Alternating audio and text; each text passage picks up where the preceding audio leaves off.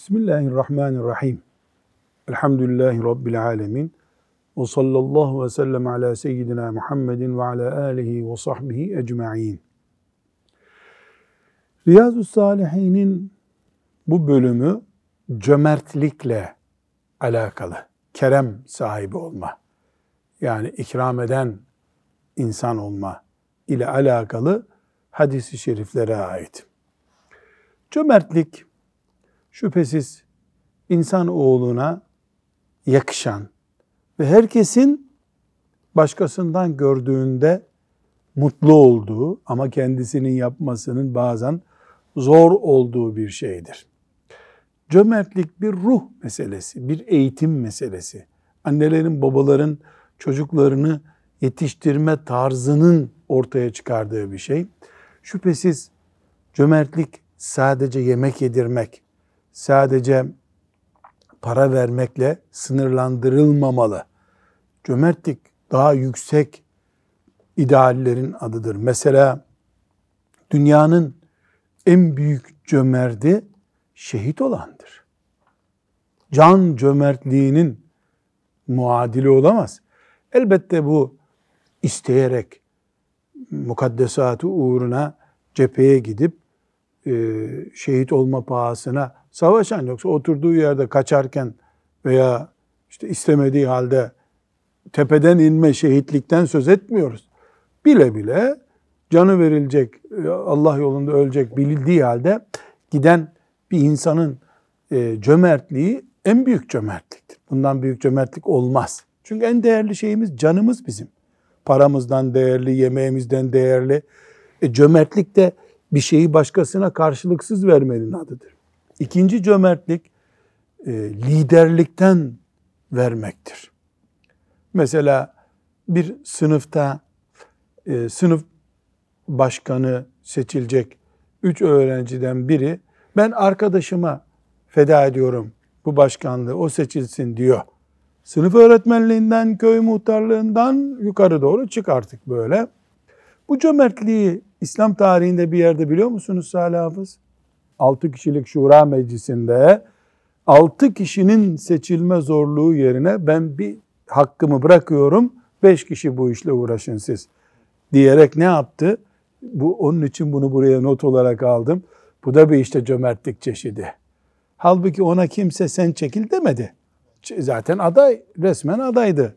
Allah ondan razı olsun.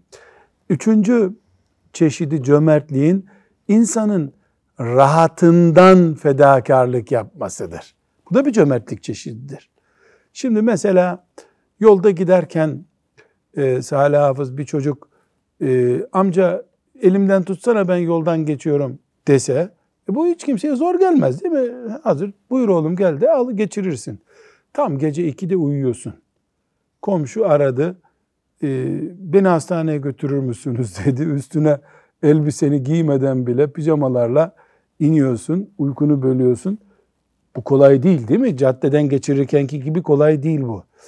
Bu da bir şey yani rahatını bozuyorsun. Rahatını vermek e, büyük bir mesela çok güzel bir örnek olur zannediyorum ama bu bir farz değil. Cömertlik farz bir şey değil çünkü.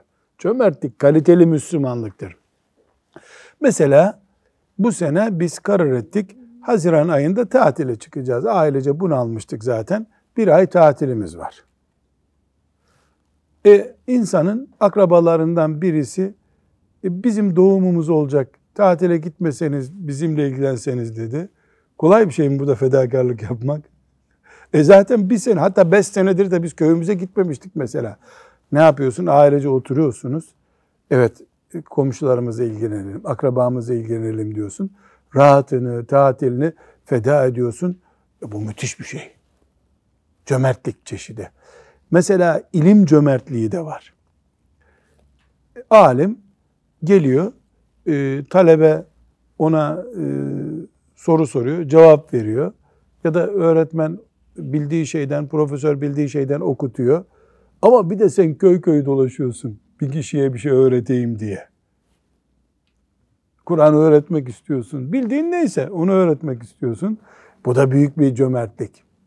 Mesela bedel ödenen e, herhangi bir şekilde işte e, mesela para türü. Bu da bir cömertlik çeşidi. Bedel ödüyorsun, para ödüyorsun.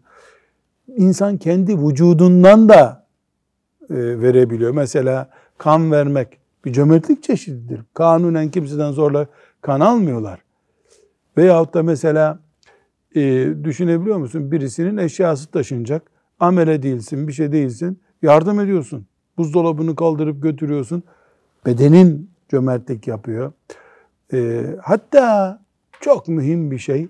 Efendimiz sallallahu aleyhi ve sellem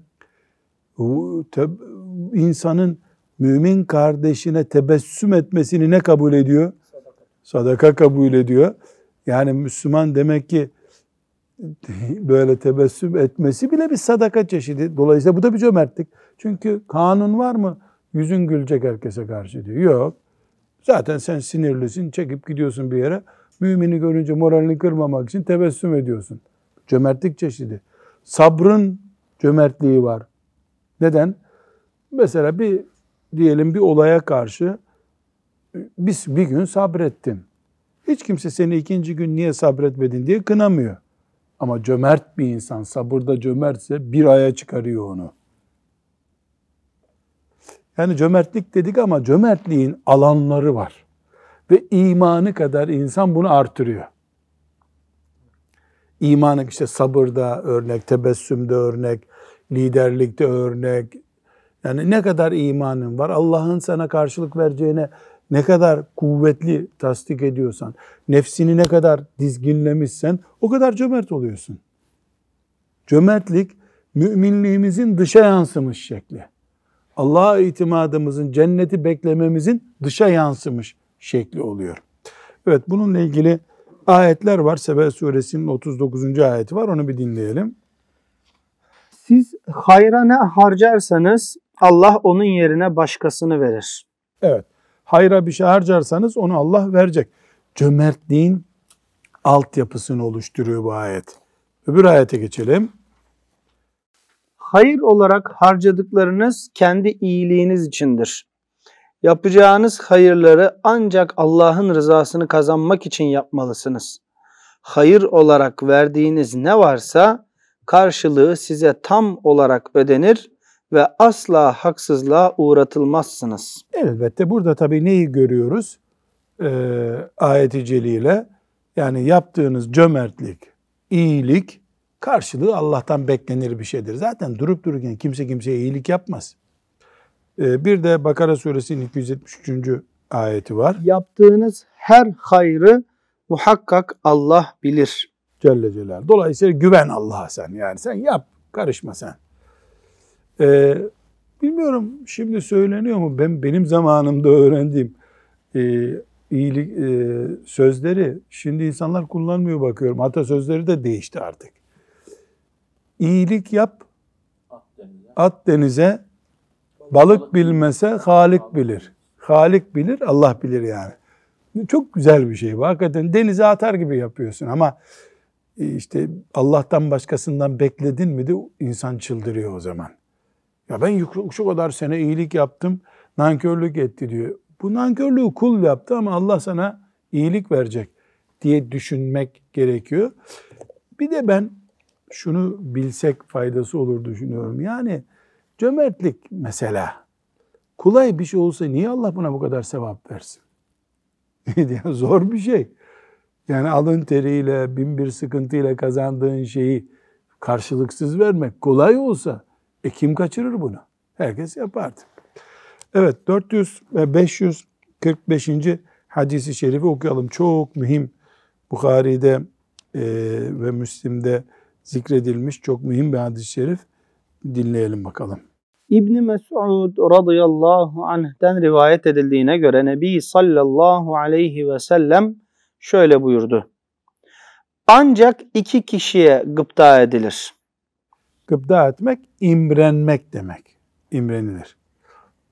Allah'ın verdiği malı hak yolunda harcamayı başaran kimse ve yine Allah'ın kendisine verdiği ilim ve hikmetle yerli yerince hükmeden ve onu başkalarına öğreten kimse.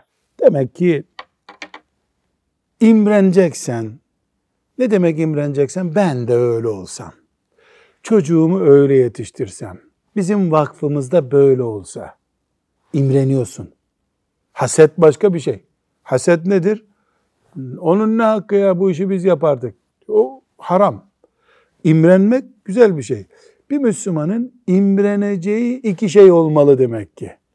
Vakfımızı iki şey için kurmalıyız. Ailemizde hedef iki şey için olmalı. Çocuklarımızı yetiştirirken iki büyük hedef. Bir, benim yavrum büyük zengin olacak, hep Allah için harcayacak. Filanca gibi. Benim yavrum alim olacak, ilmiyle amel edecek.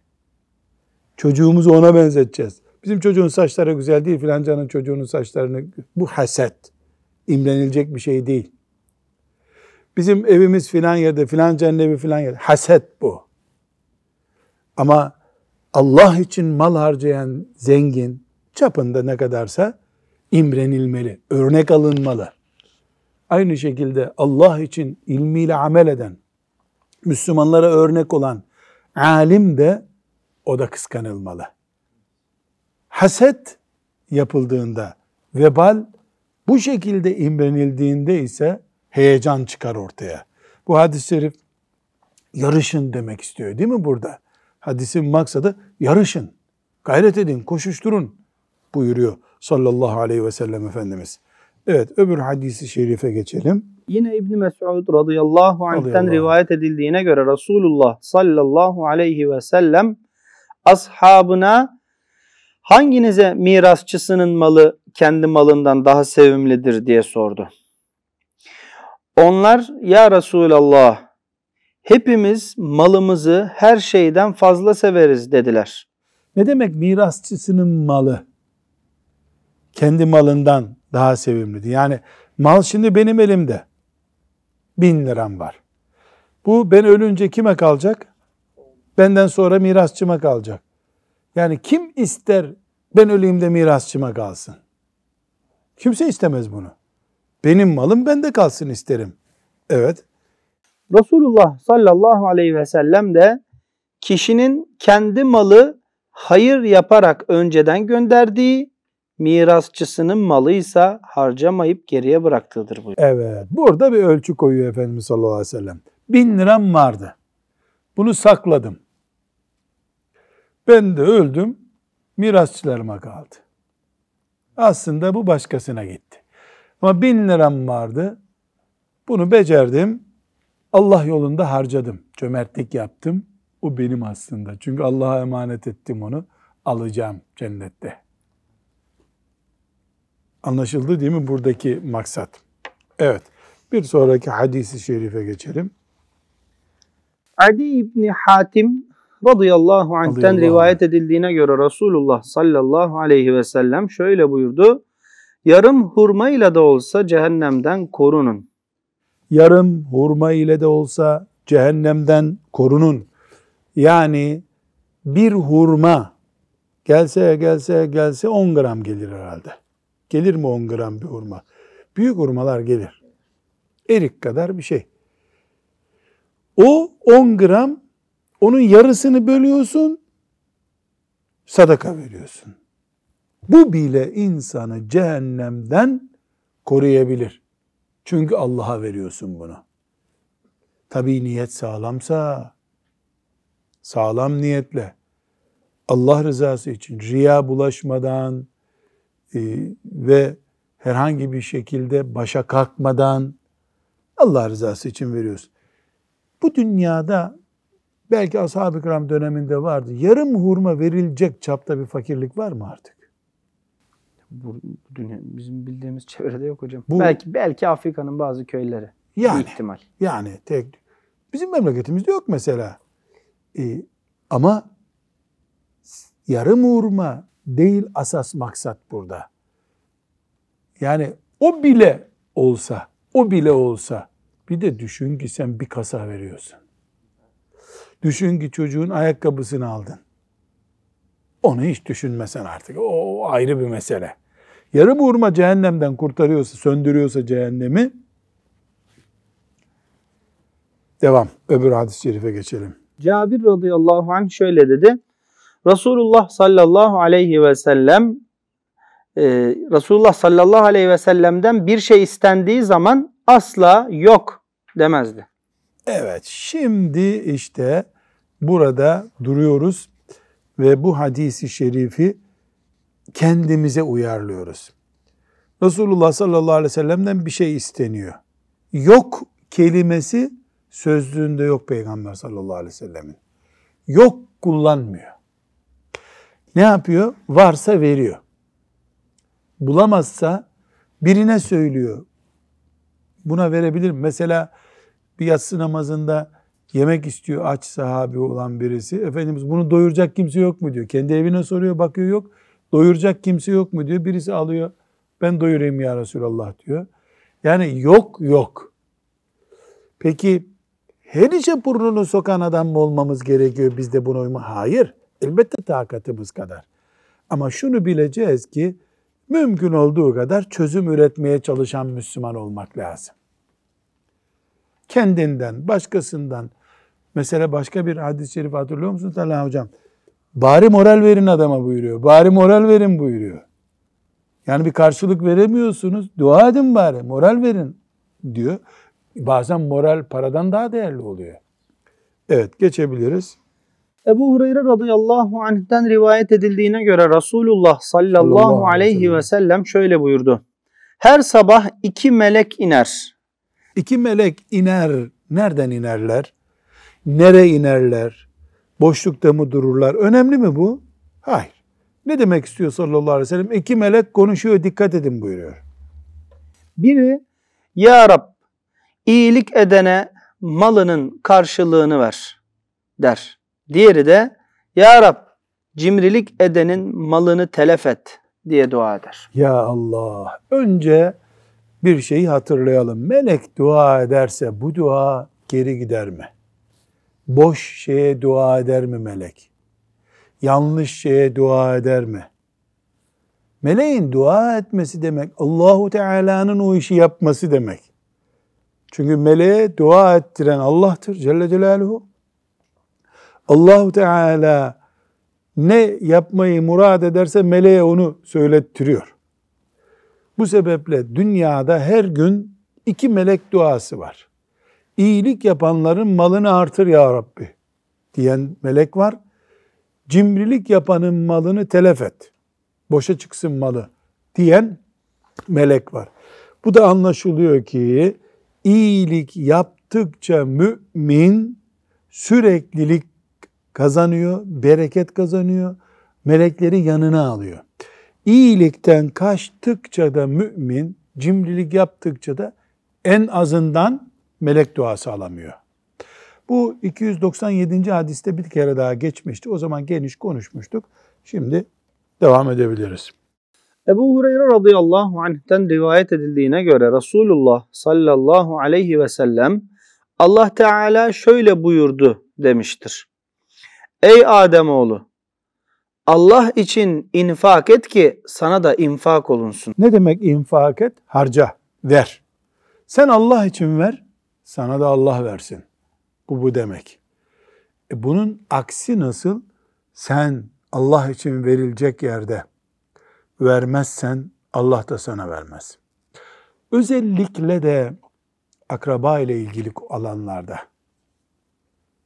akraba ile ilgili konularda, komşu ile ilgili konularda, yanı başında olup bitenle ilgili şeylerde sen yap ki Allah da sana versin şeklinde anlamamız lazım bunu. Evet devam edelim. Abdullah İbni Amr İbni As radıyallahu anhuma'dan rivayet edildiğine göre bir kimse Resulullah sallallahu aleyhi ve selleme Müslümanın hangi ameli daha hayırlıdır diye sor. Soruyu iyi öğrenelim. Müslümanın hangi ameli yani hangi işi daha hayırlıdır? Namaz değil herhalde, oruç değil. Hangi serbest, yapmak farz olmayan, nafile olan işlerden hangisi daha hayırlıdır ya Resulallah? Peygamber sallallahu aleyhi ve sellem de şöyle buyurdu. Tanıdık tanımadık herkese yemek yedirmen ve selam vermendir. Tanıdık tanımadık herkese yemek yedirmen ve selam vermendir. Evet. Bu hadisi e, yemek yedirmen ve tanıdık tanımadık herkese selam vermen şeklinde de anlayabiliriz. Yani selamı herkese yay. Tanıdık tanımadık deyince Almanya'da yaşayanlar için değil bu tabi. Kafire selam verilmez çünkü. Bir İslam ülkesinde, Mekke'de, Medine'de, köyünde, kafir yok burada biliyorsun. Ben bunu bizim akraba değil, değil. Müslüman selamı hak eder. Müslüman olduğunu kabul ettiğin bir şehirde tanımıyorsun ama burası Müslümanların şehri, Müslümandır muhakkak diyorsun. Sonra anladın ki Müslüman değilmiş. Zaten selam onun cevap vermediğinden anlaşılacak. Burada selam üzerine kurulu bir medeniyetiz demek ki biz. Hangi işi daha öne çıkarayım ya Resulallah? Selam ver. Seçmeden, adam ayırmadan selam ver. Bunun için Müslüman selam vermek önceliği peşinde olan adamdır. Ama bunun da tabii ahkamı var. Mesela yukarıdan gelen aşağıdan yukarı çıkana selam verir. Bir yerde oturan insanların yanına giren içeri girerken selam verir. Büyük küçüğe selam verir. Böyle bir edep var. Ee, ve aleykümüsselam demek farzdır. Ve aleykümüsselam diyeceksin. Selamı boşlukta bırakmak yok. Ama bu hadisi şerif selam adabını öğretmiyor da neyi öğretiyor? Müslüman selamı parola yapsın istiyor. İkinci konu hadisi şerifte ne? E, yemek yedir. Tabii ki şimdi başımız yemekle belada olan bir zamanda yaşıyoruz. E, kim kimi seviyorsa onu yedirmesin diyecek hale geldik. Niye? Çünkü Efendimiz sallallahu aleyhi ve sellem bu hadisi şerifi buyurduğu günlerde daha önceki derslerde gördük.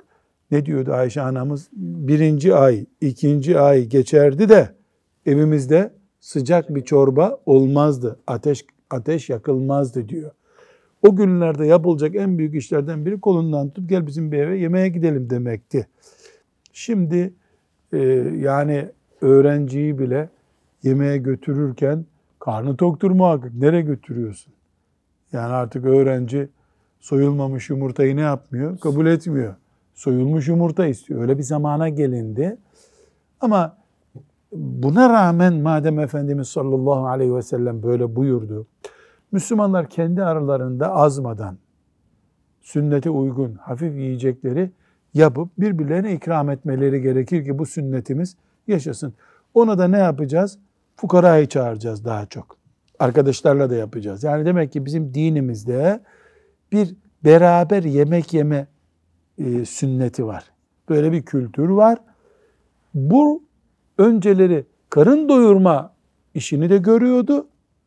Şimdi ise muhabbetimizi canlattırıyor. Azdırmamak, nefisleri kudurtmamak kaydı şartıyla tabi. Yani sünnettir diye kolesterol tıkanmışlığı yaşamayacağız. Hadis-i şerifte hocam Müslümanın sosyal boyutunun da ne kadar güçlü olması gerektiğini de aslında görüyoruz. Yani evet. yemek ve selam Tabii, sosyal Müslüman. Sosyal adam. Müslüman sosyal adam. Çok güzel. Evet, öbür hadis-i şerife geçelim. Yine Abdullah İbni Amr İbni As radıyallahu anhuma'dan rivayet edildiğine göre Resulullah sallallahu aleyhi ve sellem şöyle buyurdu. 40 iyilik vardır. Bunların en üstünü birisine sahip sütünden faydalanması için ödünç olarak sütlü bir keçi vermektir. Şimdi bakınız vakıflardaki kardeşlerimize de bunu tavsiye ederim. Afrika'ya e, yemek götürüyorlar, gıda götürüyorlar, e, kurban kesip götürüyorlar. Efendimiz ne buyuruyor? E, sağılacak bir sü, keçi verin de e, adam yani buna bizim modern e, atasözlerinde ne diyorlar? Balık değil olta ver. Evet. Balık değil olta ver, balık tutma. Yani Afrika'ya mesela orada yaşayacak üç tane keçi götürüp e, besleyin bu hayvanı, maişetinizi temin edin demek de Efendimizin sözü. Bir daha oku 40. 40 iyilik vardır. Bunların en üstünü birisine sağıp sütünden faydalanması için ödünç olarak sütlü bir keçi vermektir. Kim sevabını umarak ve mükafatını Allah'ın vereceğine iman ederek bu 40 hayırdan birini işlerse Allah Teala onu bu sebeple cennete koyar. Evet bu 140 140. hadis-i şerifte geçti. Ama burada özet söyleyelim. Bu 40 tane iyilik var derken 1, 3, 18, 26, 39, 40 diye böyle e, kalem kalem saymak için değil. Yani çok iyilik çeşitleri var. Bir yerde en iyi iyilik süt sağacağı bir keçi vermek olur. Öbür yerde tarlasını kazmaya yardım etmek olur. Yani herkes bir iyilik çeşidi bulsun ha. Cömertlik yapacak bir yer bulsun herkes demek. Devam. Ebu Umame Suday İbni Acilen radıyallahu anh'ten rivayet edildiğine göre Resulullah sallallahu aleyhi ve sellem şöyle buyurdu. Ey Ademoğlu! ihtiyacından fazla olan malını sadaka olarak vermen senin için iyi, vermemen kötüdür. İhtiyacına yetecek kadarını elinde tutmandan dolayı ayıplanmazsın. İyiliğe geçimini üstlendiklerinden başla. Veren el alan elden üstündür. Unutma. Evet. Ee, bu hadisi şerif 511. hadis-i şerifte geçmişti. Yani Müslüman niye stok yaptın diye ayıplanmaz. Zekatını veriyorsa tabii. Zekatını verdikten sonra gerisine mecburiyet yok. Ama kayıt nereden? Kardan kaybediyorsun. Verdikçe kazanacak bir fırsatın var. O fırsatı kaçırıyorsun. Yoksa Müslüman herhangi bir şekilde zekatını verdikten sonra niye çok malın var diye e, günaha girmez. Evet 545. 54. hadis-i şerife geçelim. Enes radıyallahu anh şöyle dedi. Resulullah sallallahu aleyhi ve sellem aleyhi ve sellem. İslam için kendisinden ne istenirse onu mutlaka verirdi. Hele bir keresinde yanına gelen bir adama iki dağ arasını dolduran bir koyun sürüsü verdi. Adam kabilesine dönünce ey milletim koşun Müslüman olun. Çünkü Muhammed fakirlik ve ihtiyaç korkusu duymadan çok büyük ikram ve ihsanlarda bulunuyor dedi. Evet. Hadisin ravisi Enes diyor ki, kimileri sırf dünyalık elde etmek için Müslüman olurlardı. Fakat çok geçmeden Müslümanlık onların gözünde dünyadan ve dünya üzerindeki her şeyden daha değerli hale gelirdi. Evet. Bu yani Müslümanların elinde para var. Şimdi biz de Müslüman olalım. Uygulaması bu asırda nerede görüyorsun Salih Hafız? Bana çok güzel bir örnek ver. Siyasette mi görüyoruz? Maalesef siyasette görüyoruz. Ee, Müslümanlar siyasi bir yer ele geçirdiler mi? Belediye mesela Müslümanlarda oldu mu? Bakıyorsun dün kınadıkları şeyleri o gün yapıyorlar insanlar. Ee, o zaman Enes radıyallahu anh'ın nasihatine dokunacağız. Oradaki insanlar, o yöneticiler e, oraya menfaat için gelenleri dinlerine taşımış olmaları lazım ki tam Peygamber aleyhisselam efendimizin dönemine benzemiş bir iş olsunlar. Yani insanoğlu böyle e, menfaatini, parasını, malını önemsiyor. Efendimiz sallallahu aleyhi ve sellem de insanların bu karakterini biliyor. Bildiği için de vermekten korkmuyordu. Önceleri malın peşinden gelenler çok geçmeden tutuyorlardı. Aleyhissalatü vesselam Efendimizin e, en samimi dostlarından oluyorlardı. Bu vermeye müellefetül kulub deniyor. Kalpleri ısındırılacaklar. Bununla ilgili hüküm şimdi uygulayacak olsak onu nasıldır? Zekat bu tiplere verilmiyor artık. Zekat verilmiyor. Devlet bütçesinden e, bunlara verilebiliyor. Genel ölçü böyle ama bu da bir tabii ki kayırma veya bireysel bir ilişkiden dolayı değil de e, Müslümanların genel e, kazancını sağlamak için. Bu devletler arası da bütün dünyada uygulanıyor ama sadece bizde değil. Mesela filanca devlete yatırım yapayım diyor başka bir devlet. Mesela Avrupalı bir ülke filanca devleti bir yatırım yapıyor. İki sene sonra bakıyorsun oraya bir baraka kurmuştu. Alttan madenler gitmiş. Onlar dünyalık için yapıyor. Müslümanlar da bunu ne için yapmalı? Afrika'daki filan ülkede fakirliği gidermek için yapar. Oradan e, Allah rızası için ecir kazanır müminler. Kıyamete kadar da hayırları devam etmiş. Yani devleti e, bir kişi, tüzel kişilik de olsa bir insan kabul edip gönül kazanmak zorunda bu insan der gibi devlet de İslam devletini kastediyoruz tabi. Gönül kazanma gayretleri içinde olur. Buna müellefe-i kulüp bölümü diyoruz. Evet. Bir sonraki hadis-i şerife geçebiliriz. Ömer radıyallahu anh şöyle dedi. Resulullah sallallahu aleyhi ve sellem mal taksim etti. Mal taksim etti. Yani verdi işte. Ben ya Resulallah kendilerine mal verdiğiniz şu kimselerden başkaları o mala daha layıktır dedim. Peygamber sallallahu aleyhi ve sellem onlar beni iki durumla karşı karşıya bıraktılar. Ya çirkin sözlerle benden mal isteyecekler, vereceğim ya da vermeyeceğim. Bu defa da beni cimrilikle suçlayacaklar. Ben cimri değilim buyurdu. Allahu Ekber. Ahlak işte. Bunu var ya Talha Hoca evde çocuklarımızdan vakıflarımızda bir gün bir devlet görevi aldığımızda orada imza yetkimiz olan her yerde işte ahlakımız diyeceğimiz bir ölçü olarak Efendimiz bize öğretiyor. Yani sen bunlara verdin ama bunlar adam değil ya Resulallah. Bunlara niye verdin sen bu parayı diyor Ömer. Ona ne cevap veriyor? Ya vermediğim için cimri olacaktım ya da abuk subuk terbiyesiz konuşacaklardı. O sözleri dinleyecektik. Ben cimri değilim. Dolayısıyla verdim. Hem o çirkin sözlerden kurtulduk hem de cimrilikle itham edilmedim. Bu peygamber ahlakı sallallahu aleyhi ve sellem. Kıyamete kadar ben peygamberimin ümmetindenim, peşinden gitmek istiyorum, gideceğim inşallah diyen herkes için de kural. Evet, öbür hadis-i şerife geçelim. Cübeyr İbni Mut'im radıyallahu anh şöyle dedi. Huneyn gazvesinden dönüşte Peygamber sallallahu aleyhi ve sellemle birlikte yürürken Bedevi Araplar ganimetin taksimini ısrarla istemeye başladılar. Niye? Ganimet ne demekti? Savaşta elde edilen kazançlar. Bedeviler kim? Kaba insanlar, çöl adamları. Medine'ye gidilecek, ölçüm yapılacak. Sen şu görevdeydin sana bu kadar, sen bu görevdeydin sana bu kadar denecek.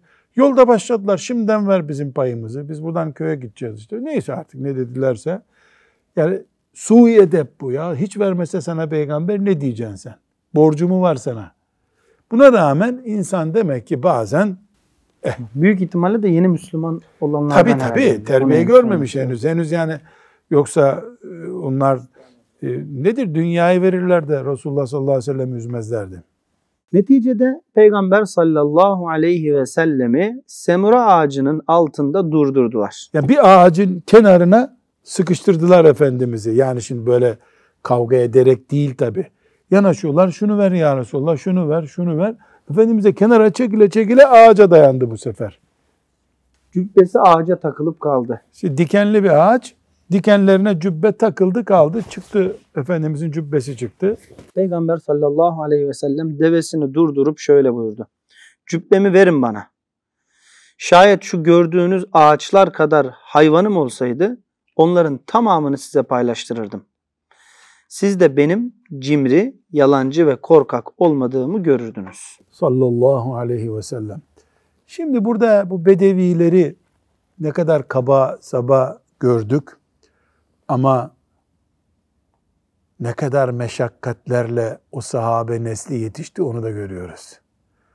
Efendimiz sallallahu aleyhi ve sellem öyle bir günde bir dua ederek melek gibi adam yapmadı onları. Bu adamları kim bilir bu hareketi yapanlar bir bilgim yok ama kim bilir Efendimiz sallallahu aleyhi ve sellemin etrafında melekler gibi oldular bir sene sonra. Yani kim bilir. E, öyle oldular da ki Allah onlardan razı oldu zaten ama büyük bir cömertlik, büyük bir sabır ve büyük bir yumuşaklık Resulullah sallallahu aleyhi ve sellemin ahlakıydı. Yani o kadar ki etrafında Ömerler var, Aliler var. Bir ağacın kenarına sıkıştırıyorlar Efendimiz sallallahu aleyhi ve sellemi. İşte oradan üç tane deve alacaklar. Yedi tane koyun alacaklar. Neyse artık istedikleri. Ama Efendimiz sallallahu aleyhi ve sellem ya cübbemi verin diyecek hale geliyor. bir sahabeye de emredip bu terbiyesizleri alın yanımdan buyurmuyor. Bu da onun büyüklüğünü gösteriyor tabi. Bu sayede de ne oldu? O nesli kazandı. Sallallahu aleyhi ve sellem Efendimiz. Evet devam edelim. Ebu Hureyre radıyallahu anh'ten rivayet edildiğine göre Resulullah sallallahu aleyhi ve sellem şöyle buyurdu. Sadaka vermek malı eksiltmez. Kul başkalarının hatalarını bağışladıkça Allah da onun şerefini artırır. Kim Allah için alçak gönüllü davranırsa Allah da onu yükseltir. Sadaka malı azaltmaz. Olur mu ya? Bin lira vardı, yüz lirasını verdik, 900'e düştü. Nasıl azalmıyor? 900'e düştü ama bereketlendiği için bin liradan fazla iş görüyor. Yoksa mal rakam olarak azalır. İnsanın imanı olmasa bunu anlamaz. Mal olarak azalır. Sayısı düşer, matematiksel olarak düşer. Bereketle, asgari ücretle geçiniyor insanlar da servetle niye geçinemiyorlar sorusunun cevabı budur işte. Bundan anlıyoruz ki insan affetmeyi de bilmeli. Bu da sadaka vermek gibi. İnsan tevazu sahibi olmayı da bilmeli. Üç şey bu hadis-i şerif öne çıkarıyor. Bir, sadaka azaltmıyor korkma. Yerine bereket geliyor. İki, affet Allah da seni affetsin. Üç, tevazu ol, sahibi ol. Allah seni yükseltsin. Evet, burada uzunca bir hadis-i şerif var. Ee, Salih Hafız onu okuyalım. Kolay anlaşılır bir hadis-i şerif. Ebu Kepşe Amr İbni Sa'd el-Enmari radıyallahu anh'ten rivayet edildiğine göre o Resulullah sallallahu aleyhi ve sellemi şöyle buyururken dinlemiştir. Haklarında yeminle söz söyleyebileceğim üç haslet vardır. İyi belleyiniz. İyi belleyin size üç şey söylüyorum. Evet. Sadaka vermekle kulun malı eksilmez. Bunu. Uğradığı haksızlığa sabredenin Allah şerefini artırır. Yani haksızlığa uğramaya razı olun demek değil. Çözemiyorsun, yıpratma kendini. Yıpratma. Bari sabret. Evet. Dilenme kapısını açan kimseye Allah fakirlik kapısını açar. Ee, dilenmeyeceksin. Evet. Yine size bir söz daha söyleyeceğim. Onu da iyi belleyiniz dedi ve şöyle buyurdu. Buyur ya Resulallah. Dünyada dört kısım insan vardır. Demek ki insanları dörde bölüyor Efendimiz sallallahu aleyhi ve sellem. Birincisi Allah'ın kendisine mal ve ilim verdiği kimsedir. Bu kişi Allah'a karşı saygılı davranır, hısımlarını görüp gözetir, o maldaki Allah'ın hakkını yerine getirir. Bu en üst derecedir. Evet. İkincisi Allah'ın kendisine ilim verip mal vermediği iyi niyetli kimsedir. Bir, birincisini bir daha okuyalım. Birincisinin özeti neydi? Allah mal veriyor, ilim veriyor. O da onların hakkını veriyor. İki, Allah'ın kendisine ilim verip mal vermediği iyi niyetli kimsedir. evet. O iyi niyetle eğer malım olsaydı ben de falan adam gibi davranırdım der. Bu iyi niyetinin karşılığını görür. İkisinin sevabı eşittir. Birincisinde ilim var yani dini, imanı, ahireti biliyor. Mal da var. Bildiği için infak ediyor. İkincisinde bu bilgiler var. Sevabını biliyor, verecek bir şey yok. Ama içindeki duyguyu görüyor Allah ki buna versem mal bu da verecek. İkisi eşit oldu. Üçüncü insan Üçüncüsü Allah'ın mal verip ilim vermediği kimsedir. O bilgisizliği yüzünden malını gelişi güzel harcar. adamda mal var, sadaka nedir bilmiyor, helal nedir bilmiyor, haram nedir bilmiyor. Allah'a karşı sorumlu davranmaz. Hısımlarını görüp gözetmez. O malda Allah'ın hakkı olduğunu idrak etmez. Böylesi kişi en kötü durumdadır. Adam mal var, malın kıymetini bilmiyor, sadakanın kıymetini bilmiyor, kendi kuyusunu kazıyor. Dördüncü kişi Dördüncüsü Allah'ın ne mal ne de ilim verdiği kimsedir. sıfır adam. Bu kişi der ki eğer malım olsaydı ben de falan gibi yer içerdim. Bu da niyetinin karşılığını görür. Binaenaleyh bu iki kişinin vebali eşit. Yani bu kimi taklit ediyor dördüncü adam? Üçüncüsünü. İlimsiz adamı, ahireti düşünemeyen adamı. Dünyada dört adam var. Biri mallı, malı var ama malın ne demek olduğunu biliyor. Ahireti biliyor, kazanıyor. Birinde mal yok, ilim var. O da onu imrendiği için kazanıyor. Bir de bunun negatif tarafı var. Allah muhafaza buyursun şüphesiz. Ama burada çok önemli bir nokta var. Malla beraber ahiret mantığı ve ilmi sende olmazsa kazanamıyorsun demek ki. Kazanamıyorsun. Bu sebeple de e, hem mala hem ilme teşvik edilmeli nesiller diyoruz. Peki burada duralım. Bir dahaki derste hadis-i şeriflerden devam ederiz inşallah. Ve sallallahu ve sellem ala seyyidina Muhammed ve ala alihi ve sahbihi ecma'in velhamdülillahi rabbil alemin.